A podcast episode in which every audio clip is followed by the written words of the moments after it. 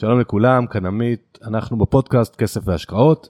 תודה שבחרתם להאזין לנו היום, והפעם פרק על פילוסופיה עסקית וכלכלית, יצירתיות, חדשנות, כלכלה שיתופית וראייה שונה על העולם. פרק עם מבט מקרו על החיים עצמם והשינויים שאנחנו חווים. והאורח שלי היום הוא רונן גפני, שלום רונן. היי עמית. אז רונן הוא פילוסוף עסקי, יזם, מייסד ומפתח המשחק היזמות פרשביז, מחבר משותף של הספר היזמים החדשים, מרצה TEDx, מנחה ומאמן בינלאומי וחוקר יצירה משותפת. ועל כל זאת ועוד ננסה לדבר היום.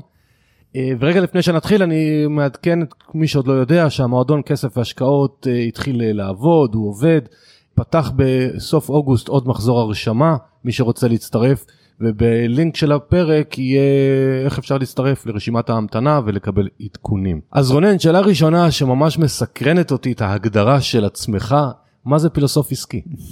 אז האמת היא שככה התעסקתי עם הנושא הזה של איך להגדיר את מה שאני עושה בעולם. האמת היא שאני זוכר ממש את הרגע שבו הדבר הזה עלה לי, הייתי באיזה חופשה אה, עם, אה, עם ענת, עם אשתי בתל אביב, וישבתי ככה ליד הבריכה, עלו לי כל, כל מיני מחשבות על איזה פוסט שאני רוצה לכתוב או משהו כזה.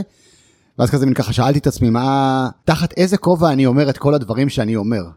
אני לא, אתה יודע, אני לא סטארטאפיסט הקלאסי ואני לא יודע ללמד אנשים על לנהל חברות יותר טוב ממה שיודעים הרבה מאוד אה, סטארטאפיסט אה, מוצלחים ממני. אני לא בדיוק אה, יועץ או מנטור, אני לא בדיוק מרצה מן השורה.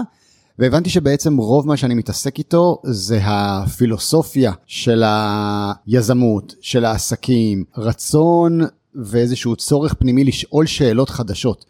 זאת אומרת, המטרה שלי היא הרבה יותר לבוא עם איזושהי נקודת מבט שמאפשרת לנו לשים סימני שאלה, מאשר אה, עם איזה רשימת רעיונות, עצות, איזה, אה, אף פעם אתה לא תמצא אצלי את אה, עשרת הפעולות שצריך לעשות כדי, או עשרת הטיפים אה, זה, אני לא מאמין שיש דרך אחת אה, לכולם. אני לגמרי מאמין שמה שקורה היום בעולם לא מתאים להרבה מאוד אנשים, ואנחנו צריכים לשאול את עצמנו האם יש דרך טובה יותר. אז אני עסוק בעיקר בזה, בשאלות הפילוסופיות של עולם היזמות, הכלכלה, העסקים, ו... ואני חושב שבשונה מהרבה פילוסופים אחרים, אני מתעסק גם במימוש של זה. זאת אומרת, אני מסתובב בזמן האחרון אה, ככה באיזה מחשבה של מה אני צריך להוסיף אחרי הקטע של הפילוסוף, המאמנת שלי כל הזמן אומרת לי אתה כבר חייב להוסיף משהו, אתה חייב להוסיף משהו, אה, זה צריך להיות איזה, אתה יודע, דיזיינר או מממש או אדריכל או, מממש, או מבצע, כי אני עושה גם את השאלת שאלות אבל אני גם בונה כלים ותפיסות ותהליכים אה, חדשים, אז משם זה מגיע. אז אנחנו נעמיק בפרק על מה אתה באמת בונה. אחת הסיבות שהבאתי את רונן היום, שזה פרק לא שגרתי אולי למי שמכיר את הפודקאסט, זה אני מאמין שתוך עשור נקרא לזה, כל אחד כמעט אה, שכירים הכוונה, יהיה גם איזשהו עסק צדדי קטן, אם זה להגשמה, אם זה להכנסות. מסטטיסטיקה של המאזינים זה חצי שכירים ועצמאים או עצמאים וחצי שכירים אז זו הסיבה שבחרתי להביא היום את רונן ככה לפרק מעניין ואחר. אתה מאוד מאמין במשחקים, אתה גם מפתח משחקים. אז אני אשמח שתספר לנו קצת על המשחק שלך שפיתחת והמצאת פרשביז הוא גם כמה שאני יודע הוא בכל העולם מה הרעיון מאחוריו ואיפה אפשר לשחק איתו מי שעכשיו ישמע ויתלהב. קודם כל הרעיון זה ללמד חשיבה יזמית זה באמת רגע לשים סימני שאלה יודע, לצד הרבה מאוד משפטים שלמדנו שיש בהם סימני קריאה. אה, וכשאני הסתכלתי על העולם שסביבנו, ואני מתעניין בעולם הזה של יזמות ועסקים, פחות או יותר מאז שאני זוכר את עצמי, אני זוכר את עצמי, אתה יודע, ההורים שלי עבדו בבנק לאומי, אז אני זוכר את עצמי מאיזה גיל 6-7 שואל אותם שאלות על מה זה בורסה ומה זה מניות, ותסבירו לי איך הדברים האלה עובדים, ומגיל 13-14 כבר צולל לתוך אה, עשרות אם לא מאות ספרים על אה, עסקים ויזמים. ואחד הדברים שהכי הפתיעו אותי זה שאנחנו אה, גדלים על משחק כמו מונופול לדוגמה, שגם עבר עיוות שלם מהמטרה המקורית שלו, זאת אומרת פיתחה אותו מישהי בתחילת, בתחילת המאה הקודמת שהמטרה שלה הייתה להראות בדיוק את ההפך, להראות את האבסורד שבשיטה הקפיטליסטית, ובסוף עשו איזשהו take over על ההמצאה שלה והפכו את זה בדיוק למה שהיא באה לצאת כנגדו. אני חושב שגם התודעה האנושית עוד לא הייתה מוכנה לאיזשהו מסר יותר מתקדם. אבל כשאני ראיתי את זה ואמרתי אנחנו משחקים משחק שהוא משחק סכום אפס, הוא משחק שהמכניקת משחק שלו זה מה שנקרא last man standing, הבן אדם האחרון שנשאר חי הוא זה שמנצח, זאת אומרת המטרה שלך זה לגרום לכל השחקנים האחרים לפשוט את הרגל, אמרתי אני לא מבין מה המוטיבציה בתוך דבר כזה לקום בבוקר ולהמציא עסקים כדי לגרום למישהו אחר להפסיד, זה לא נראה לי ה framing הנכון לעולם העסקי, נראה לי הרבה יותר מגניב אה, לדבר על הרבדים של שיתופי הפעולה, היצירתיות, האקו סיסטם, היזמות, ההעזה, וזה מה שבעצם פרשביס בא, בא לייצג. והוא בא לייצג את מה שאני קורא לו חשיבה רב-מימדית. אני חושב שאנחנו נמצאים במערכות שמלמדות אותנו מסיבותיהן שלהן חשיבה מאוד חד-מימדית, כדי שלא נוכל לחבר יותר מדי נקודות ביחד, והעולם הוא הרבה יותר רב-מימדי, יזמות היא הרבה יותר רב-מימדית, אה, בכלל החיים הם מאוד מאוד רב-מימדיים, והיכולת שלנו להסתכל על כמה מימדים כאלה במקביל ולחבר אותם נכון ביחד, זו מיומנות של העתיד מבחינתי. אז זו הייתה המוטיבציה אה, להביא את המשחק הזה בעצם לעולם, והוא כזה מין התגלגל, הוא נולד, זה התחיל משחק, ואז פתאום גיליתי שיש בו הרבה מאוד עולמות תוכן יותר, אה, יותר עשירים ממנו, ונבנו סדנאות, ובאמת הוא הגיע להרבה מאוד מקומות בעולם, ו-100 אלף אנשים, 30 מדינות, דברים מהסוג הזה. היום איפה שאפשר לשחק אותו זה או אה, לקנות אותו באתר שלנו, ב... תשים בטח אחרי זה גם קישור, ומדי פעם אנחנו עושים סדנאות כאלה פתוחות לקהל הרחב, בעיקר אנחנו עושים סדנאות... אה, לקבוצות, זאת אומרת בארגונים או אוניברסיטאות או קבוצות שמתארגנות, אבל זה, זה איפה שאפשר לפגוש אותו. אני רוצה רגע להחזיר אותך למשפט הזה שאמרת כדרך אגב כן הגיע ל-30 מדינות בעולם והרבה מאוד מהמאזינים שלנו החלום שלהם לפרוץ לעולם. אני אשמח אם תוכל לתאר ואני אשאל עוד שאלה שאני לא יודע אם אתה אוהב לדבר עליה או לא אבל אנשים לא יודעים מה אני הולך לשאול אותם. אז החוויה שלך סביב הכרישים שגם הלכת ורצו אה, להשקיע בך לא משנה אם בחרת כן או לא אבל זאת חוויה כזאת שהמשחק הזה פתאום איך אה, אדם שיושב לו גר לו בצניעות איפה שהוא גר ופתאום מגיע לכל העולם.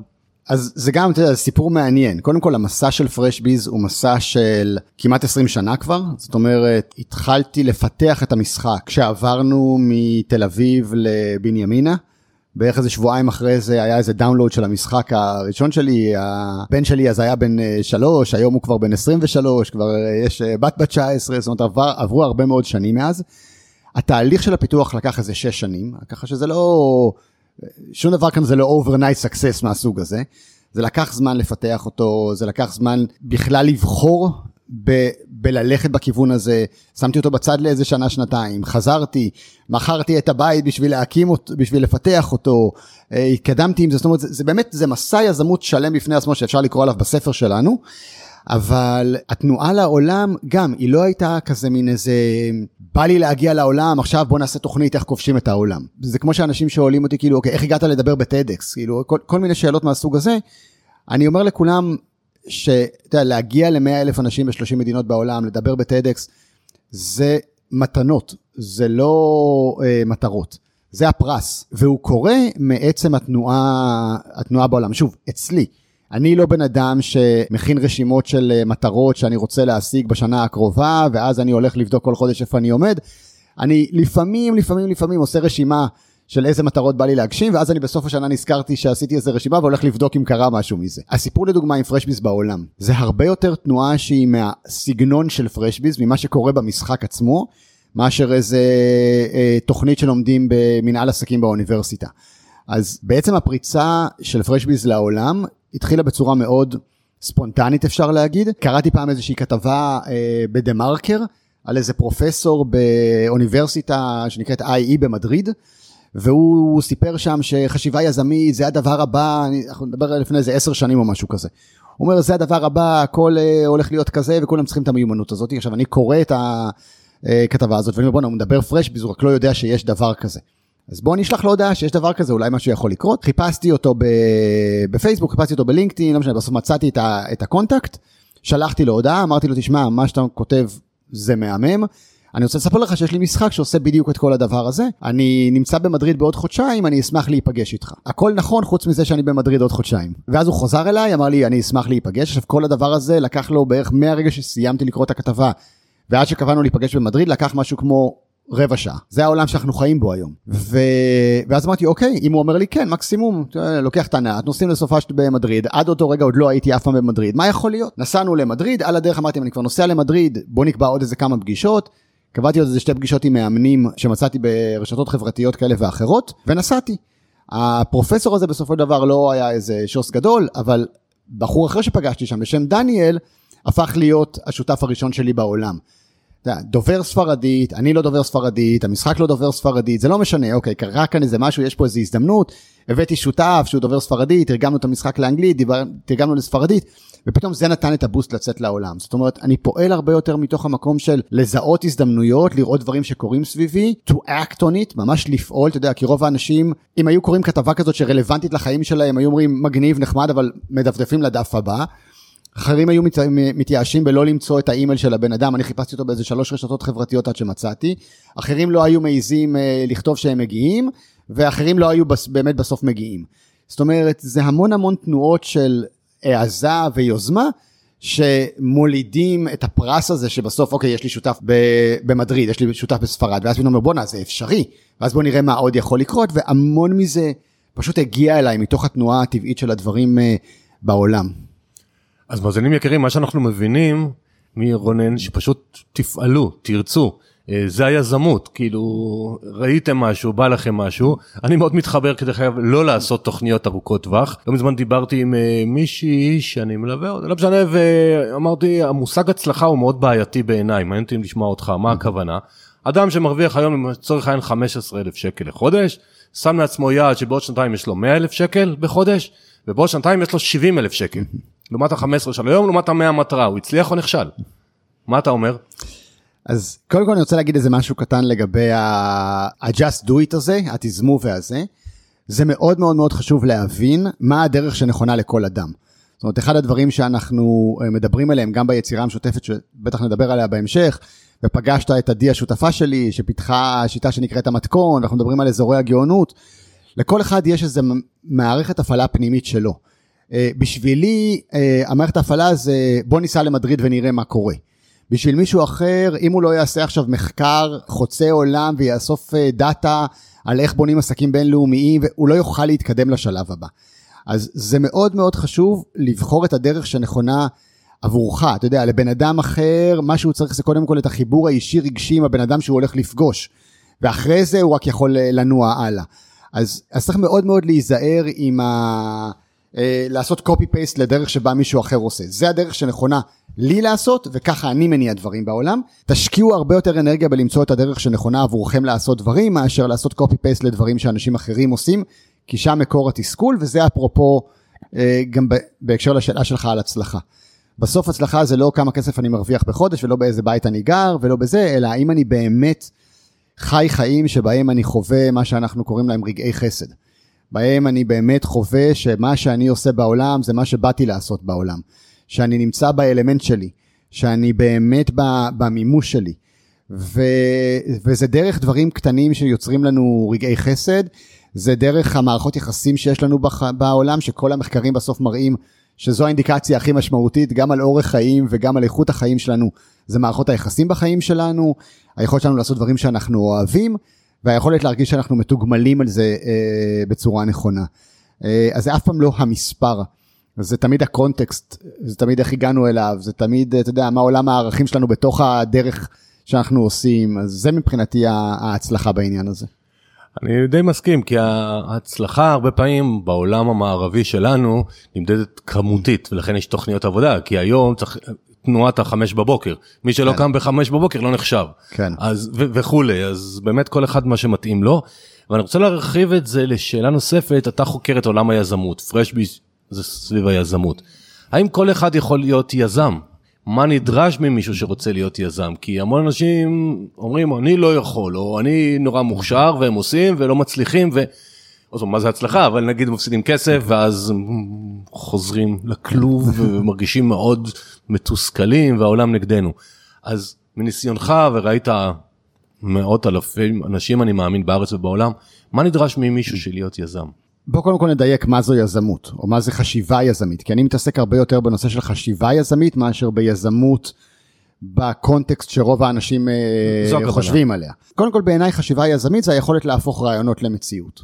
זאת אומרת יש לי איזושהי כוונה ואני רוצה לממש אותה בעולם. כולנו יזמים, כולנו קמים בבוקר ואנחנו מתחילים לממש רעיונות שלנו למציאות, בין אם זה אני רוצה לעשות את הקפה שלי בבוקר ואת הארוחת בוקר, אני הולך לעשות את היום שלי לפי כמה דברים שתכננתי, ובא לי אה, מתישהו השבוע אה, להיפגש עם אשתי או ללכת לסרט עם חברים, ואני יכול לממש את הדבר הזה. אז זה המקרים המאוד פשוטים של יזמות, אבל הם רק מראים לנו שלכולנו יש את זה, זאת אומרת כבני אנוש אנחנו חיים בעולם שבו אנחנו מממשים רצונות שלנו. זה אחת התכונות האנושיות המגניבות שלנו בעניין הזה. וגם טווח המימוש שלנו מאוד רחב וטווח הרצונות שלנו מאוד רחב. זה הקסם האנושי. כן, יש אנשים שהם נקרא לזה אינישיאטורס יותר טובים. הם יותר טובים בשלב הראשון של לקחת את הרעיון מ-0 ל-1. ולאלה בדרך כלל אנחנו קוראים היזמים בעולם שאנחנו חיים בו. יש לי איזה רעיון, יאללה בוא נעשה ממנו סטארט-אפ. יש לי איזה רעיון, בוא נגרום לזה לקרות. יש אנשים, שוב, בהקשר למה שאמרתי מקודם, זה לא המתכון שלהם, זה לא הדרך שלהם לעשות. יש אנשים שהיזמות שלהם זה היכולת להביא את הפיצוח ברגע שבן אדם אחר כבר הביא רעיון, והם מצטרפים לרעיון של מישהו אחר. יש מישהו אחר שעולם היזמות שלו זה היכולת באמת אה, לחבור לאנשים הנכונים, לעשות את החיבורים הנכונים, וזאת היזמות שלו. היזמות שלו היא בכלל באינטראקציות אנושיות. אז אנחנו צריכים קודם כל לזהות את האזור יזמות שלנו נקרא לזה, ולהתאים אותו אה, למי שאנחנו ולמה שקורה סביבנו. זאת אומרת, לא להיות מתוסכלים אם אנחנו לא אלה שאלופים בלהמציא רעיונות, או לקחת אותם מה-0 עד 1. כן, יש אנשים שהם סופר יצירתיים, כל הזמן יש להם רעיונות, הם רואים שלושה כלים ו- וממציאים על זה עולם. אני מאוד בקטגוריה הזאתי. זרוק עליי איזה משהו, אני כבר הראש שלי רץ למיליון מקומות, אני גם יש לי את האנרגיה להרים את זה, ואני יכול מאוד בקלות לקחת מ-0 עד 1 משהו. אבל לפעמים לקחת את זה מ-1 ל-100, אני צריך אנשים עם, עם יכולות אחרות לגמרי, וגם שם יש המון מרחב של יזמות.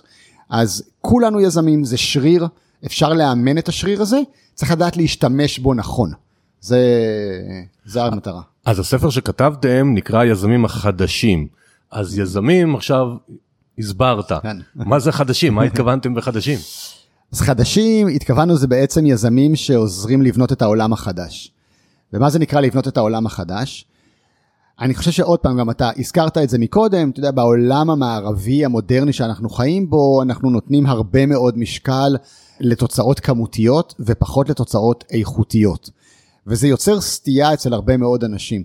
זאת אומרת, אתה יכול למצוא את עצמך בסוף עם אותם 70 אלף שקל בחודש, אבל הדרך שהגעת לשם, או ה-well-being שלך, או המצב הבריאותי שלך, ממש לא בהלימה להון שלך.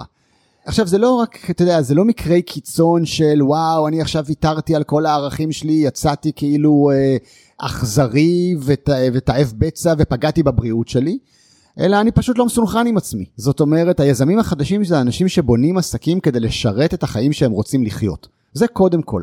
ואז נשאלת שאלה, איזה חיים אני רוצה לחיות? רוב האנשים בכלל לא שואלים את עצמם את השאלה הזאת, הם כזה באיזה תנועה מתמדת של הישרדות או מרדף אחרי איזו מטרה שמישהו אחר הציב, ולא שהם הציבו.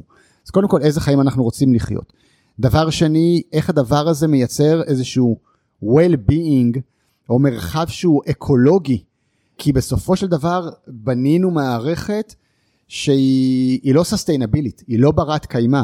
אנחנו מכלים את המשאבים בקצב הרבה יותר גדול מההתחדשות הטבעית שלהם, וזה לא משנה אם זה כמות העצים שאנחנו מורידים ביערות, או כמות הדגים שאנחנו מוציאים מהים, או האנרגיה הפרטית שלנו ואנחנו קמים אה, עייפים בבוקר, או רוב האנשים חווים חיים של אה, לחץ ו, אה, וחרדה. לא עשינו בזה כלום. אז יש כאן איזה אלמנט של well-being, well-being של האקו-סיסטם כולו, איך אנחנו עושים את הדבר הזה בתוך עולם שהוא שומר על ההתחדשות הטבעית שלו, שהקצב הוא נכון, שהקצב הוא נכון לנו באופן אישי, אז בעינינו זה הרבה מאוד מהיזמים החדשים. זאת אומרת, איך אנחנו עושים את זה בשיתופיות, במינימום פגיעה באחר, בחשיבה אקולוגית, בהלימה למי אני רוצה להיות בעולם ומה, והחיים שאני רוצה לחיות. כל אלה זה בעצם ה... הרבדים של היזמות, אה, של היזמות החדשה מבחינתנו. מעניין, מעניין. אז אם מסתכלים באתר שלך, יש לך הרבה מאוד סדנאות והרצאות שאתה עושה. אה, יש הרצאה אחת שכתוב עליה, זה הרצאת הדגל שלי, אני לא אעשה לך מבחן, אז אני אעזור לך, אני אגיד לך גם מה זאת. אה, ההרצאה שחדשנות זה שם המשחק. כתב, כתוב באתר שלך שזאת כן. הרצאת הדגל. אז השאלה מקרו הראשונה, מה זה חדשנות? אין שום הגדרה מילונית מאוד ברורה למה זה חדשנות או מה זה יצירתיות, אבל בגדול ההבחנה בין יצירתיות לבין חדשנות, ואז זה ככה זה גם מבחין את חדשנות, חדשנות זה אומר שהחיים אחרי זה לא נראים כמו שהחיים נראו לפני זה. זאת אומרת, אם ניקח לדוגמה את האייפון, אז החיים אחרי האייפון לא נראים כמו החיים לפני האייפון. אוקיי? אם ניקח את המחשב האישי, אם ניקח עכשיו את עולמות הבינה המלאכותית, אם ניקח כמובן את המצאת הגלגל או המצאת הרכב, החיים בכלל של האנושות או שלך באופן פרטי נראים אחרת לגמרי. עכשיו, רק כדי לדייק את העניין הזה או, או לסבר את האוזן, אנשים שרוצים להיות חדשניים הם לא חייבים עכשיו להמציא את הדבר הגדול הבא בעולם, בסדר? יכול להיות שחדשנות זה דרך מסוימת שזו טכנולוגיית תקשורת חדשה שלמדתי עם בת הזוג שלי, והחיים המשותפים שלנו אחרי זה לא נראים אותו דבר כמו החיים שלנו לפני זה. בסדר? זה, זה יכול להיות כזה, זה יכול להיות מאוד פרטי ואישי. זה לא חייב להיות עכשיו כל העולם נראה אחרת. אבל החיים שלי נראים אחרת, ואם זה משפיע על עוד אנשים, אז גם החיים שלהם נראים אחרת. אבל זה אומר שמשהו דרמטי השתנה בחוויית החיים שלנו. אז בעצם אם אקח אה, רגע את המקרה הפרטי שלי אז אם אני אומר שאני mm. עושה פודקאסט אנשים אחרי זה יוצאים אחרת כי הם מאזינים mm. וזה עשה להם סוויץ' בראש אז אני בעצם חדשן במושג הזה כי, כי פודקאסטים יש מיליונים זה אני אני לא המצאתי לא את הפלטפורמה ואולי התוכן שאני הצורה שאני מעביר את החומר או שבחרתי לראיין את רונן היום אבל זה גם משהו כזה. אם בן אדם כתוצאה מהאזנה לאחד הפרקים שלך משנה משהו מהותי בחיים שלו והחיים שלו נראים אחרת, כן, הבאת לו איזושהי חדשנות לחיים שלו. יכול להיות שהחדשנות הזאת הייתה בתוכן, יכול להיות שהחדשנות הזאת הייתה בפורמט, יכול, עכשיו, פודקאסט הוא לא חדשני בפני עצמו כרגע, אבל משהו בתוכן, או בהקשר של התוכן לאותו בן אדם באותו רגע, היה כל כך חדשני עבורו, שעשה לו את הסוויץ' הזה. אז לגמרי, זה לגמרי להביא חדשנות לאנשים. יפה, אז אני אשים לעצמי תואר חדשן. מהמם. מכיר את הביקור הבא. אחד הדברים שהזכרת אותו היום, ואני גם קצת מכיר אותך, עוד חשוב לך הנושא של שיתופי פעולה. עכשיו זה כביכול נגד האינסטינקט של החינוך שקיבלנו, העולם שאנחנו גרים בו. כי מצד אחד כל אחד לעצמו, רואים את זה גם בפוליטיקה בארץ ובעולם, המון המון קיטוב, המון המון אני צודק, אתה טועה. אני רוצה שבמילים של הפילוסופיה שלך תנסה להסביר לכולנו למה שיתופי פעולה זה כל כך קריטי להצלחה של כולנו. אני באמת חסיד מאוד גדול של שיתופי פעולה למרות שאני בן אדם מאוד סוליסט יחסית. זאת אומרת אני, אני יודע לעשות דברים לבד, אני אוהב לעשות דברים לבד וגם אני מתאמן על הדבר הזה. אבל יש פה, יש פה שני רבדים. אחד, שאני חושב שהוא בעיקר מה שמוביל אותי בפילוסופיה שלי, שכל הנרטיב הזה של תחרות ומלחמה אה, הוא שגוי בעיניי. בוא נגיד שלב אחד עוד לפני שאתה עושה שיתופי פעולה, אל תריב, אל, אל, אה, אל תתחרה בכלל. אני חושב שהחשיבה שלנו בקטע הזה היא כל כך אה, מצומצמת ומוטית בגלל החינוך שקיבלנו. ואז אתה יודע, קודם כל צריך לשאול שאלה מאוד בסיסית, כי אני כל דבר שאני חוקר אני שואל, אני נכנס לעומק השאלות, ואני אומר אוקיי, מה בכלל תחרות משרתת, ובאיזה תנאים היא בכלל יכולה להתקיים. וככל שהסתכלתי על זה יותר לעומק, גיליתי שכדי שתחרות תתקיים, שני פרמטרים צריכים להתקיים. ושניהם חייבים להתקיים. ובדרך כלל אנשים חושבים רק על אחד מהם, וגם אותו הם לא מבינים נכון. אז הראשון זה משאבים מוגבלים. בוא נגיד שבטח ובטח אין שום אינטרס להתחרות אם המשאבים לא מוגבלים, בסדר? כי uh, אתה לא רואה אנשים עכשיו, אתה יודע, רצים ברחובות, אוספים uh, אוויר, אוויר בשקיות. אוקיי? לא, אנחנו, אנחנו לא מבזבזים על זה אנרגיה. אוקיי, אני יכול לעשות את זה, אבל חבל על האנרגיה שלי, כי יש מספיק לכולם. אני בטח לא אנסה לקחת ממך חלק מהאוויר שלך, כי האנרגיה שאני צריך להשקיע בזה היא לא, היא לא משתלמת. אז כנראה שאנחנו צריכים שהמשאבים יהיו מוגבלים. אני שם רגע בצד, אתה יודע, את עולם האגו והסטיות האישיותיות בדבר הזה. אוקיי? בוא נשים את זה רגע בצד. בוא נגיד שאנחנו רגע במרחב הלוגי יותר. תכף נדבר גם על האגו, בסדר? כי הוא מאוד מאוד משמעותי בעניין הזה.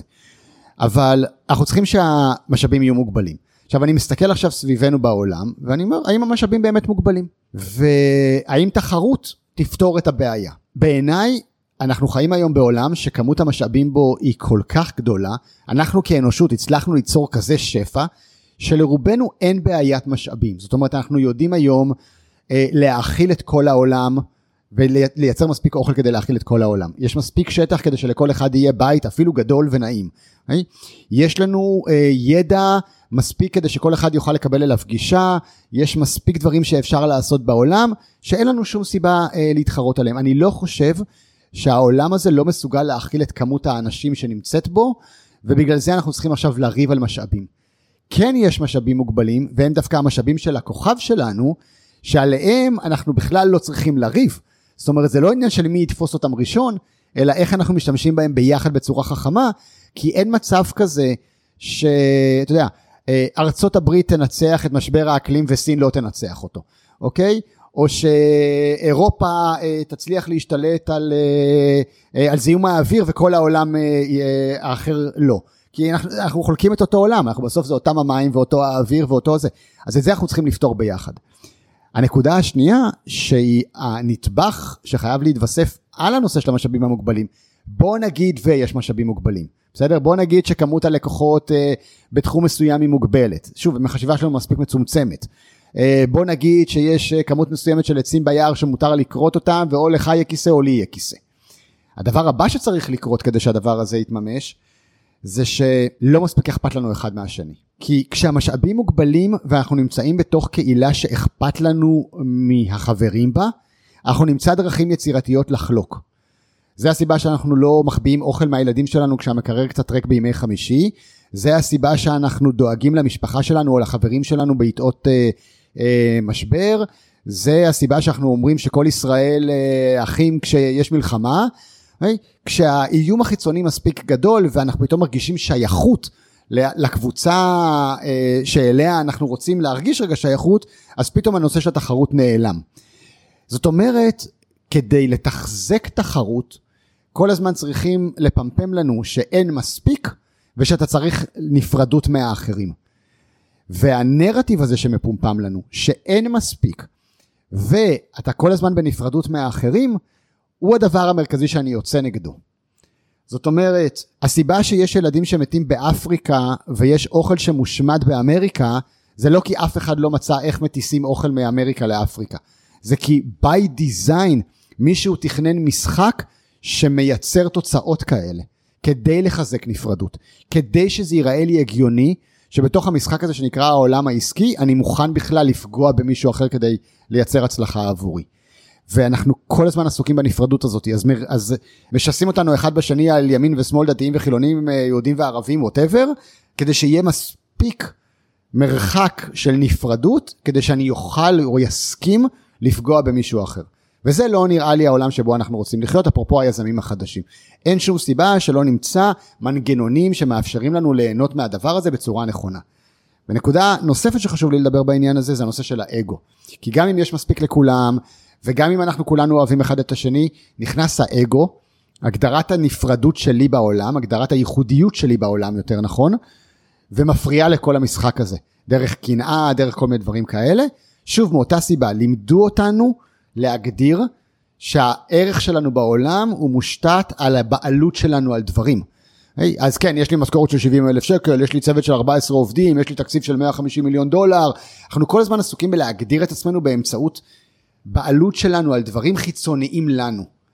כשאתה שואל בן אדם, היי, מי אתה, מה נשמע? אז אתה בדרך כלל תשמע במה הוא עובד, ומה יש לו, ומה הוא עושה בחיים, ואיפה הוא גר, אוקיי? אתה תשמע אותו מספר לך את רשימת הבעלות שיש לו. זאת אומרת, כן, אני גר בפרדס חנה, אוקיי, יש לך איזה בית, או אתה שוכר איזה, זה, יש לי שני ילדים ואישה, אוקיי, יש לך בעלות על אה, איזה אישה ויש לך בעלות על איזה שני ילדים, אני עובד בעבודה, אה אוקיי יש לך בעלות על איזה טייטל ואולי אתה גם דוקטור אז יש לך גם בעלות על איזה תואר, אז אתה תגיד אני דוקטור זה וזה, ואנחנו מגדירים את עצמנו כל הזמן החוצה, באמצעות הבחוץ. כשאנחנו מגדירים את עצמנו כל הזמן באמצעות הבחוץ, מאוד קל לפגוע לנו באגו, מאוד קל לדרוך לנו על האצבעות, בגלל שאם מישהו אחר הוא גם דוקטור, רגע, אז אם אתה דוקטור וגם אני דוקטור, אז במה אני נבדל? אז הגדרת הנבדלות שלי בעולם נפגעת. אה, גם אתה גר בפרדס חנה? רגע, איזה גודל בית יש לך? זה בשכירות או זה בבעלות? אה, אז בוא נבדוק איפה אני ביחס לזה. ואז אי אפשר לצאת מזה, ואז אתה מתחרה באנשים אחרים. אם היית בא ואומר, אוקיי, היי, מי אתה? היי, אני רונן, אני חוקר יצירה משותפת, מה שמדליק אותי זה לעבוד עם אנשים שאני אוהב, ואני מאוד אוהב לחלק את הזמן שלי בין הזמן הפרטי שלי לבין זמן העבודה שלי, ואם אפשר לעשות את זה בכל מיני מקומות בעולם, זה הכי מגניב. אם ככה הייתי מציג את עצמי, אז אין פה בכלל שאלה של, אני לא דורך לך על כלום. אה, גם אתה אוהב לטייל בעולם? מגניב, אז בוא נטייל בעולם ביחד. אה, גם אתה אוהב לחלק את הזמן שלך בין הזמן הפרטי שלך לבין... מהמם, גם אתה כאילו... זאת אומרת, זה הבפנוכו, זה, זה לספר את המסע שלנו בעולם, ואת הייעוד שלנו בעולם, ואף אחד בעולם לא יכול לעשות אותי יותר טוב ממני, לא משנה איזה גודל בית יש לך. אז כשנתחיל לדבר את השפה הזאתי, כל הדבר הזה של התחרות ייעלם. ואז, באופן טבעי, אנחנו פשוט נתחבר לזה שאנחנו במילא משתפי פעולה. זה מה שאנחנו במילא עושים. כל, אתה יודע, אנחנו מדברים עכשיו בשני מיקרופונים, שאם לא היו משתפים פעולה איזה אלף אנשים כדי לגרום להם להגיע לכאן, לא היינו יכולים לעשות את זה, מישהו ייצר את זה, מישהו פיתח את הטכנולוגיה הזאת, מישהו הסיע את זה בים, מישהו פתח חנות, מישהו מכר לך את זה, אתה נסעת לפה באוטו שמישהו בנה אותו כדי שתוכל להגיע לכאן, מי, אנחנו יושבים בשולחן במטבח שלי שמישהו אה, בנה אותו ומישהו חצב את השיש הזה מאיזשהו, כל, הצ... כל צנע שתסתכל עליה היא, היא by default שיתוף פעולה מטורף בכל כך הרבה אנשים, אז פתאום אני אגיד לא לא לא, אבל אני עם ההוא של השיש, איתו אני בתחרות כי גם אני עושה בעולם שיש. איפה זה בכלל הגיוני, אתה יודע, להפך, אם עוד מישהו בעולם עושה שיש, וגם אני עושה שיש, וואי, אנחנו באותו תחום, מגניב, בוא, נשתף פעולה, שנינו רוצים לקדם איזה משהו שאנחנו מאמינים בו בעולם. אם היינו באמת מתייחסים למה שאנחנו עושים בעולם כמשהו שאנחנו באמת רוצים לקדם בעולם, אז כל אחד אחר הוא שותף פוטנציאלי, הוא לא תחרות פוטנציאלית. זה ככה התפיסה שלי לגבי זה. מעולה, אז אני רוצה להמשיך רגע ולחבר יזמות ושיתופי פעולה, כי הרבה פעמים אנשים חושבים שהם רוצים לשתף פעולה, בוא ניקח שני עסקים קטנים, לא ניקח עכשיו חברות ענק. לצורך העניין עסק קטן כמוני, נגיד עסק קטן כמוך, רוצים לשתף פעולה, ואז מתחילים עם המון המון היי ושמחה, וזה מתפוצץ. זה מתפוצץ כי צד אחד חושב שהוא עבד יותר קשה מהשני. אה, זה מתפוצץ כי בעצם הערכים שלהם אולי לא היו דומים. אז הבקשה אליך, מניסיון שאתה מכיר את זה, וחוקר ומרצה, תן לנו כמה טיפים למאזינים שרוצים לעשות שיתופי פעולה עסקיים לצורך העניין, לא זוגיים, אני לא מדבר על התא המשפחתי, על מה לשים לב, איך, איך להקל עליהם להצליח. אה, אז קודם כל אתה צודק, הרבה פעמים נושא של שיתופי פעולה, נתקלים בהרבה בעיות וחסמים, כי זה יושב גם על תקשורת אנושית, זה יושב על אמון, זה יושב על היכולת למדוד ערך, וכל הדברים האלה זה דברים שאנחנו לשמחתנו לומדים אותם בבית ספר, נכון? אנחנו לא באמת מיומנים בלעשות שיתופי פעולה, אף אחד לא מלמד אותנו לעשות את זה. לא מלמדים אותנו תקשורת מקרבת, לא מלמדים אותנו מדידה של, של ערך, לא מלמדים אותנו איך לבנות מערכות של אמון, ברור שבי דיפולט יותר קשה לנו. אז כמה דברים. קודם כל, אני מזמין כל בן אדם שרוצה לעשות שיתוף פעולה להתחיל עם פיילוט. קודם כל עם פיילוט. לפני שאתה נכנס אה, למיטה עם מישהו לחוזה עכשיו לחמש שנים או עשר שנים, תתחיל בפיילוט, זה דבר ראשון. בוא נקבע שאנחנו בוחנים את היכולת שלנו לשתף פעולה לתקופה מסוימת. הדבר השני זה קודם כל בוא נבנה מה שנקרא Deep Connection. בוא באמת נבנה קשר אישי אנושי שאנחנו רוצים אה, ליצור בינינו. בסוף בסוף זה הכל אנשים. שיתופי פעולה הם לא בין חברות, שיתופי פעולה הם לא בין מדינות, שיתופי פעולה הם לא בין אה, גופים מסחריים, למרות שמציירים לנו את זה כל הזמן ככה. שיתופי פעולה זה בסוף בין אנשים. זה קם וזה נופל על אנשים ואתה צריך חיבור אנושי עם אנשים ואתה צריך לדעת לדבר עם אנשים במה שנקרא אה, חיבור עמוק, ה deep connection הזה, היכולת לפגוש את הבן אדם השני באותנטיות, בפגיעות, בקשר אנושי, בלראות איפה הוא כרגע עם החיים שלו, וקודם כל בכלל ליצור את המרחב הזה. הרבה ממה שאנחנו עושים בתוך תהליכי היצירה המשותפת שלנו, זה קודם כל בכלל בונים את מערכות היחסים בין האנשים. ומקסימום לא יצא לך שיתוף פעולה עסקי, אבל יצא לך איזה חברות, או לפחות איזה כבוד הדדי, וזה מאוד מאוד משמעותי. זה לא ערובה להצלחה, אבל זה בטח שלב אחד מאוד משמעותי בתוך הדבר הזה. הדבר הבא זה הנושא הזה של מדידת הערך. שם יש הרבה פעמים בעיה. כמו שאמרת מקודם, אני מרגיש שנתתי יותר, אתה מרגיש שנתת פחות וכולי. גם כאן הדרך שבה למדנו לעשות דברים היא פוגעת ביכולת שלנו לעשות שיתופי פעולה נכונים. למה? אנחנו חיים היום בכלכלה שנקראת כלכלת חוב. מה זה אומר? אנחנו רגילים קודם כל לקבל תמורה, ואחרי זה לתת ערך. איך זה נראה?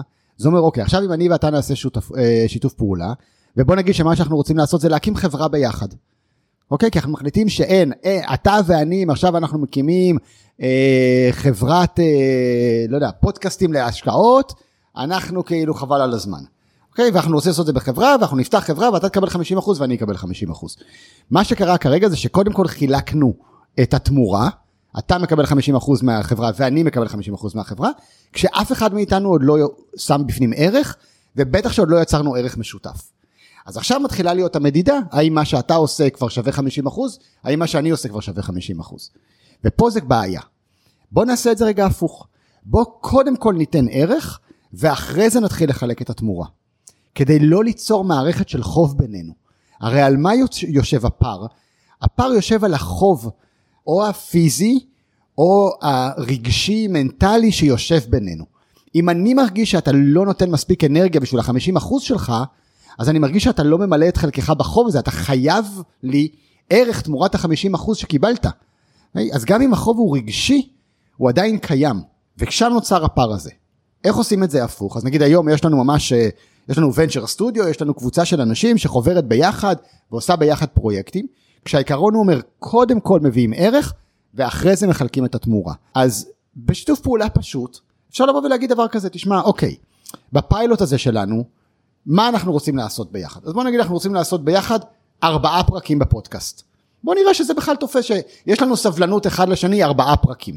אוקיי, אז אנחנו מגדירים מה כל אחד צריך לעשות. אז אתה בא ואומר, תשמע, אני אביא את כל הציוד, אני אומר לך, אין בעיה, אני אביא את הלוקיישן, אתה אומר, אני אכין שני פרקים עם שאלות, ואני אומר, אני אכין שני פרקים עם שאלות. זה הערך שאנחנו מביאים, אוקיי? במה נחלוק? כי צריך לחלוק בסוף במשהו.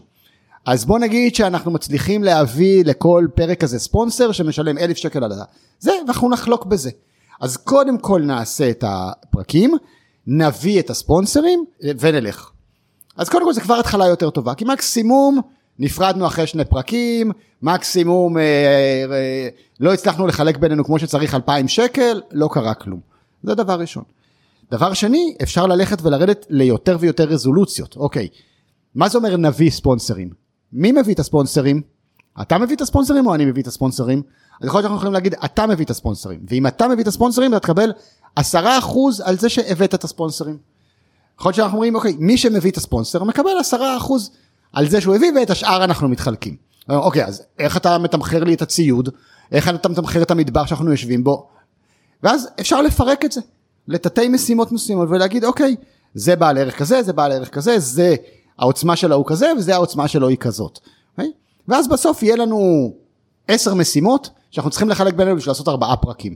חילקנו אותם, אתה לקחת ארבע משימות ואני לקחתי שש, מעולה, אני אהיה תוגמל על שש ואתה תהיה תוגמל על ארבע. כשאנחנו עושים את זה מראש, זה הרבה יותר קל מאשר לריב אחרי זה על מי עשה יותר.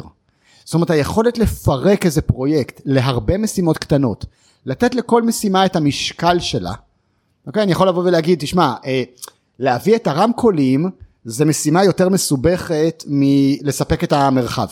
בסדר? כי המרחב קיים, אתה כבר במילא בבית שלי, אתה צריך לסחוב את הרמקולים, אתה צריך לארוז אותם, צריך לנסוע, זה שווה 2x ולהביא את המטבח שווה x. אוקיי, אז אם אתה לקחת את זה, זה שווה 2x, אז בסוף לך יש 7x ולי יש 3x וככה נתחלק בינינו. אז אלה כמה שלבים שמאפשרים לעשות את זה. ברמה האנושית רגשית, אני אוהב לבוא עם מה שאני קורא לו לבוא שלוש. זה איזה כלל אצבע שהמצאנו בפרשביז, מה זה אומר? זה אומר לבוא לשיתוף פעולה מספיק בעל ערך כדי באמת לייצר מכפלות של כוח. למה אני קורא לזה לבוא שלוש?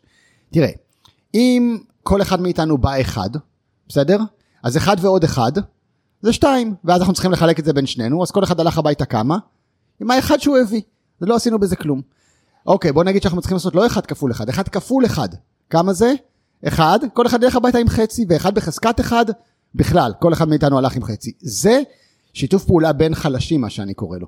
אני לא מסוגל לבד, אתה לא מסוגל לבד, יאללה, ביחד כנראה לא נצליח לעשות כלום. אוקיי? זה כזה מין, בוא ניפגש לקפה, על מה ניפגש? לא יודע, בוא נראה, טוב, גם אני לא יודע, בוא נחשוב. בוא נראה, ואז אתה חוזר לזה, ואף אחד לא הרים את החשבון על הקפה, ושרפנו עוד איזה שעתיים. כאילו, אתה רוצה להיפגש, בוא נעשה עוד איזה אקסטרה מאמץ, בוא נחליט לפחות על מה הולכים לדבר. שתבוא עם ארבע רעיונות למה אפשר לעשות בינינו, או משהו שכבר מכניס ערך לדבר הזה. לא שכל דבר צריך להיות תועלתני. אני נפגש עם מלא אנשים על קפה, אבל אז המטרה היא לא לבוא נראה מה אפשר לעשות ביחד, פשוט ניפגש ונכיר. זה בסדר, בוא ניפגש ונכיר, מגניב. אם אני מרגיש שיש חיבור, בוא נעשה את זה. שתיים זה אותו סיפור, שתיים ועוד שתיים, שתיים כפול שתיים, שתיים זה, חזרנו עם אותו שתיים שחזרנו הביתה. משלוש זה מתחיל להיות יותר מעניין. כי שלוש כפול שלוש זה כבר תשע. וכל אחד הולך הביתה עם ארבע וחצי, לא עם השלוש שהוא הביא. שלוש בחזקת שלוש זה כבר עשרים ושבע. כל אחד הולך הביתה עם הרבה יותר ממה שהוא הביא. אוקיי, באתי עם שלוש, אני חוזר הביתה עם שלוש עשרה. וכל הגישה שלנו בפרשבי זה לבוא ולהגיד, בוא נייצר מצבים של ווין בחזקת ווין, אני אוהב לדבר בחזקות? אוקיי? ניצחון בריבוי מימדים לריבוי שחקנים, זה הרעיון, איך אנחנו יכולים לייצר שיתוף פעולה שהוא הוא, הוא benefits, הוא, הוא מתגמל הרבה מאוד שחקנים בעניין הזה, בהרבה מימדי חיים, וזה גם חשוב. זאת אומרת, זה שאתה ואני נצליח לעשות שיתוף פעולה, ואולי נצליח ביחד להרוויח עשרת אלפים שקל, אבל לא כיף לנו ביחד, אנחנו עובדים לתוך הלילה ואף אחד לא רוצה את זה, אז מה עשינו בזה? לא, אנחנו רוצים שזה יהיה, גם בוא נרוויח, גם שיהיה לנו כיף, גם שזה יהיה בלייפסטייל שאנחנו רוצים, זה שיתוף פעולה חכם בעיניי. אז להביא לשיח את כל ממדי החיים שחשוב לנו לממש אותם. כי לפעמים זה לא נופל על הכסף בכלל, זה נופל על ה... לא בא לי לעבוד עד אחת בלילה, על הפרויקט הזה, ומישהו אחר, מה אכפת לך? הכי כיף זה לעבוד עד אחת בלילה. בוא נתאם בכלל איזה חיים בא לנו לחיות, ונראה שזה משרת את שנינו בכמה מימדי חיים. נהדר, וזה גם מוביל אותי ממש לנושא הבא, הזכרת אותו, אה, הנושא שאתה עובד עליו עכשיו אה, הרבה מאוד עם עדי ולבד ועם קבוצות של יצירה משותפת וכלכלת יצירה משותפת. תספר קצת על הפרויקט, תעשה לעצמך promotion, אה, מה, מה זה? אז בעצם הרעיון של כלכלת היצירה המשותפת זה הרצון לפתח איזשהו מנגנון כלכלי אחר, שהוא שונה מהמנגנון הכלכלי הקיים היום, שכמו שאמרתי מקודם הוא מבוסס על חוב. שבסוף אנחנו אה, לא תמיד עושים את מה שאנחנו רוצים, לא בהכרח עם האנשים שאנחנו בוחרים, ובטח ובטח לא מתוגמלים עליו בצורה חכמה. והרעיון שלנו זה ליצור מצב שבו אנחנו כן יכולים לעבוד במה שאנחנו רוצים ואוהבים, במה שאנחנו באמת טובים, באזורי הגאונות שלנו, עם אנשים שכיף לנו לעבוד את זה איתם, ולהיות מתוגמלים על זה בצורה חכמה. זה, ה, זה הרעיון. ואנחנו בונים מנגנונים שמאפשרים לעשות את זה במבנים של חופש. מה זה אומר מבנים של חופש? בלי היררכיה. בעינינו הרבה מהבלגן נוצר בגלל המבנים ההיררכיים.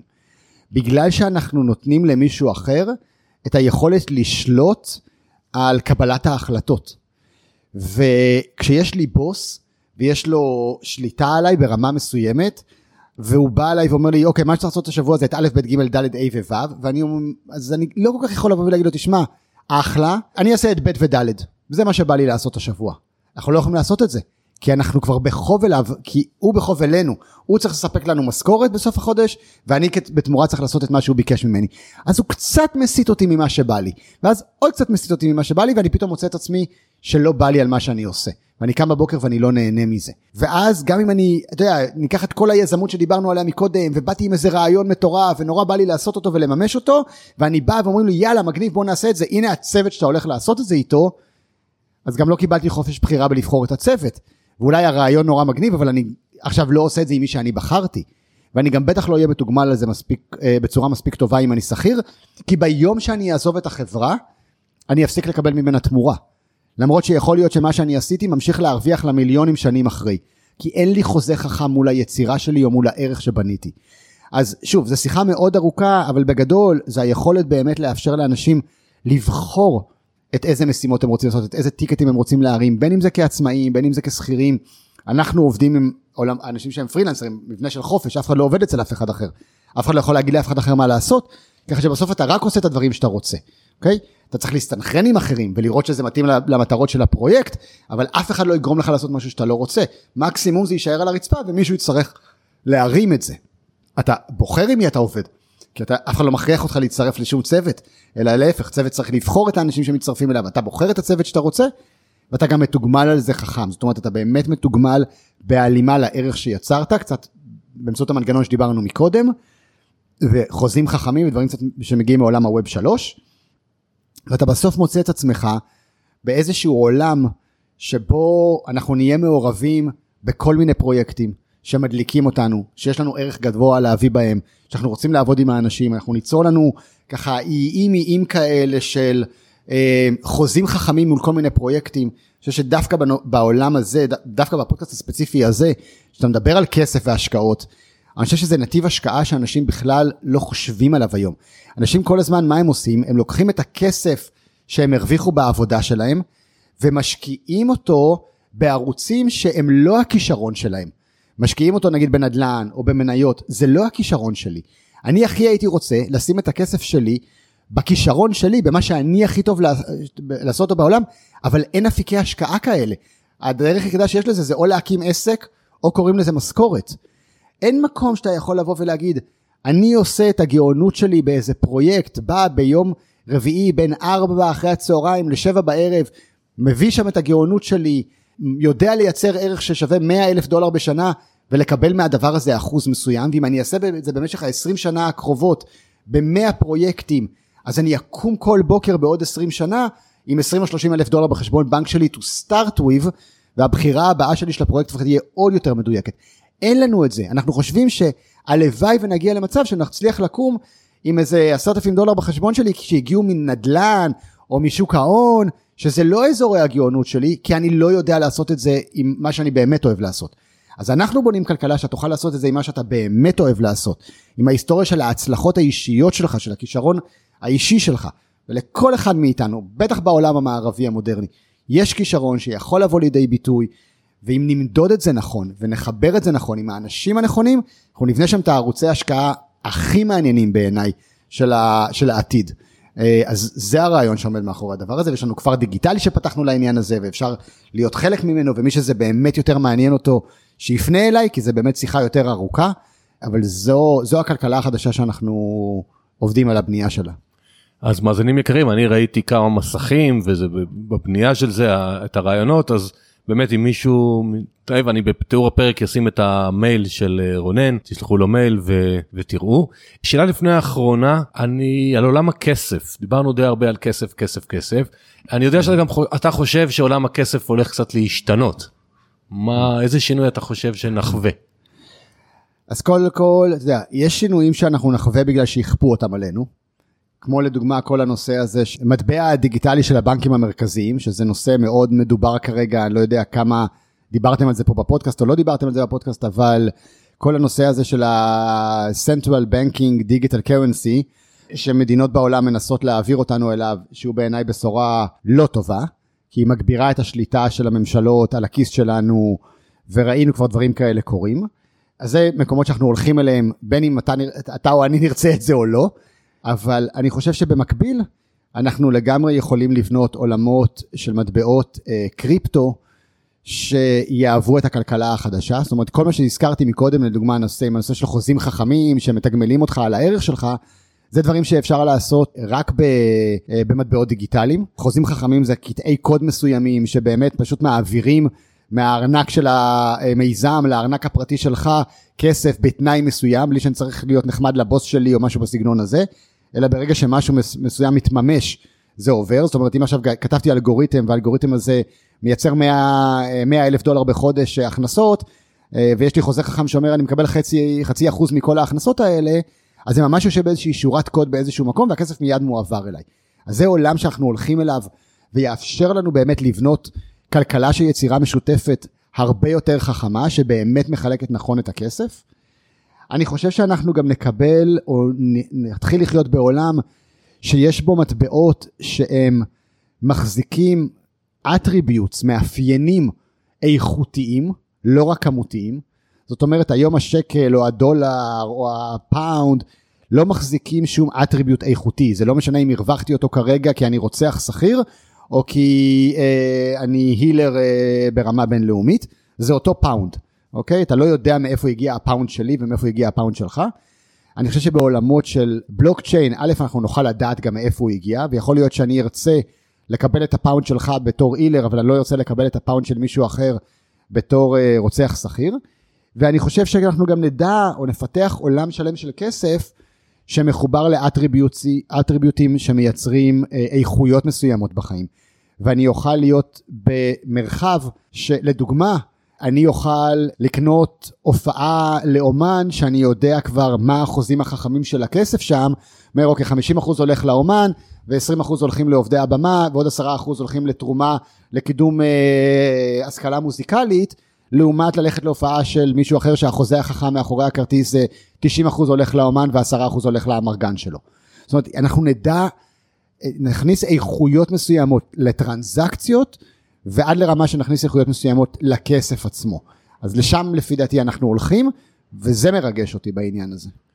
עולם יותר שקוף, יותר כן. כן. שקוף, שיתוף, שיתוף פעולה, לא אני נגדו, נכון. אלא אנחנו יודעים את האמת וכל אחד יבחר. נכון.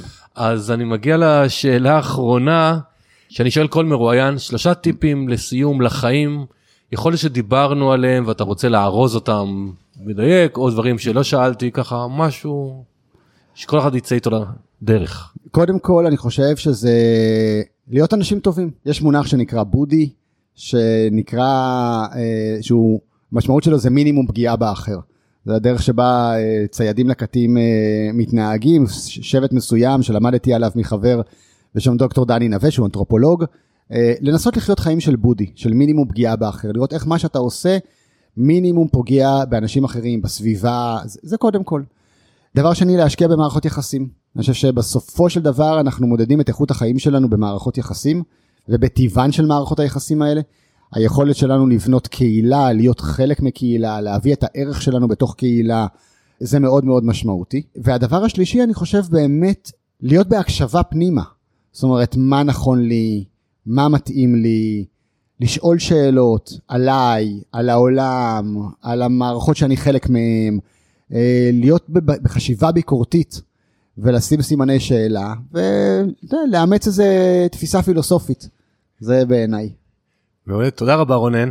תודה היה, רבה. היה מאוד מאוד מעניין ככה לשמוע את ראיית העולם הייחודית שלך. אה, מאזינים יקרים, בתיאור הפרק יש גם אה, לינק לאתר של רונן וגם את המייל, מי שמעניין אותו נושא היצירה המשותפת. יש גם את הלינק לרשימת ההמתנה למועדון כסף והשקעות. ותודה רבה שהאזנתם לנו, מקווים שקיבלתם ערך והרבה מאוד חומר למחשבה, ונשתמע בפרק הבא.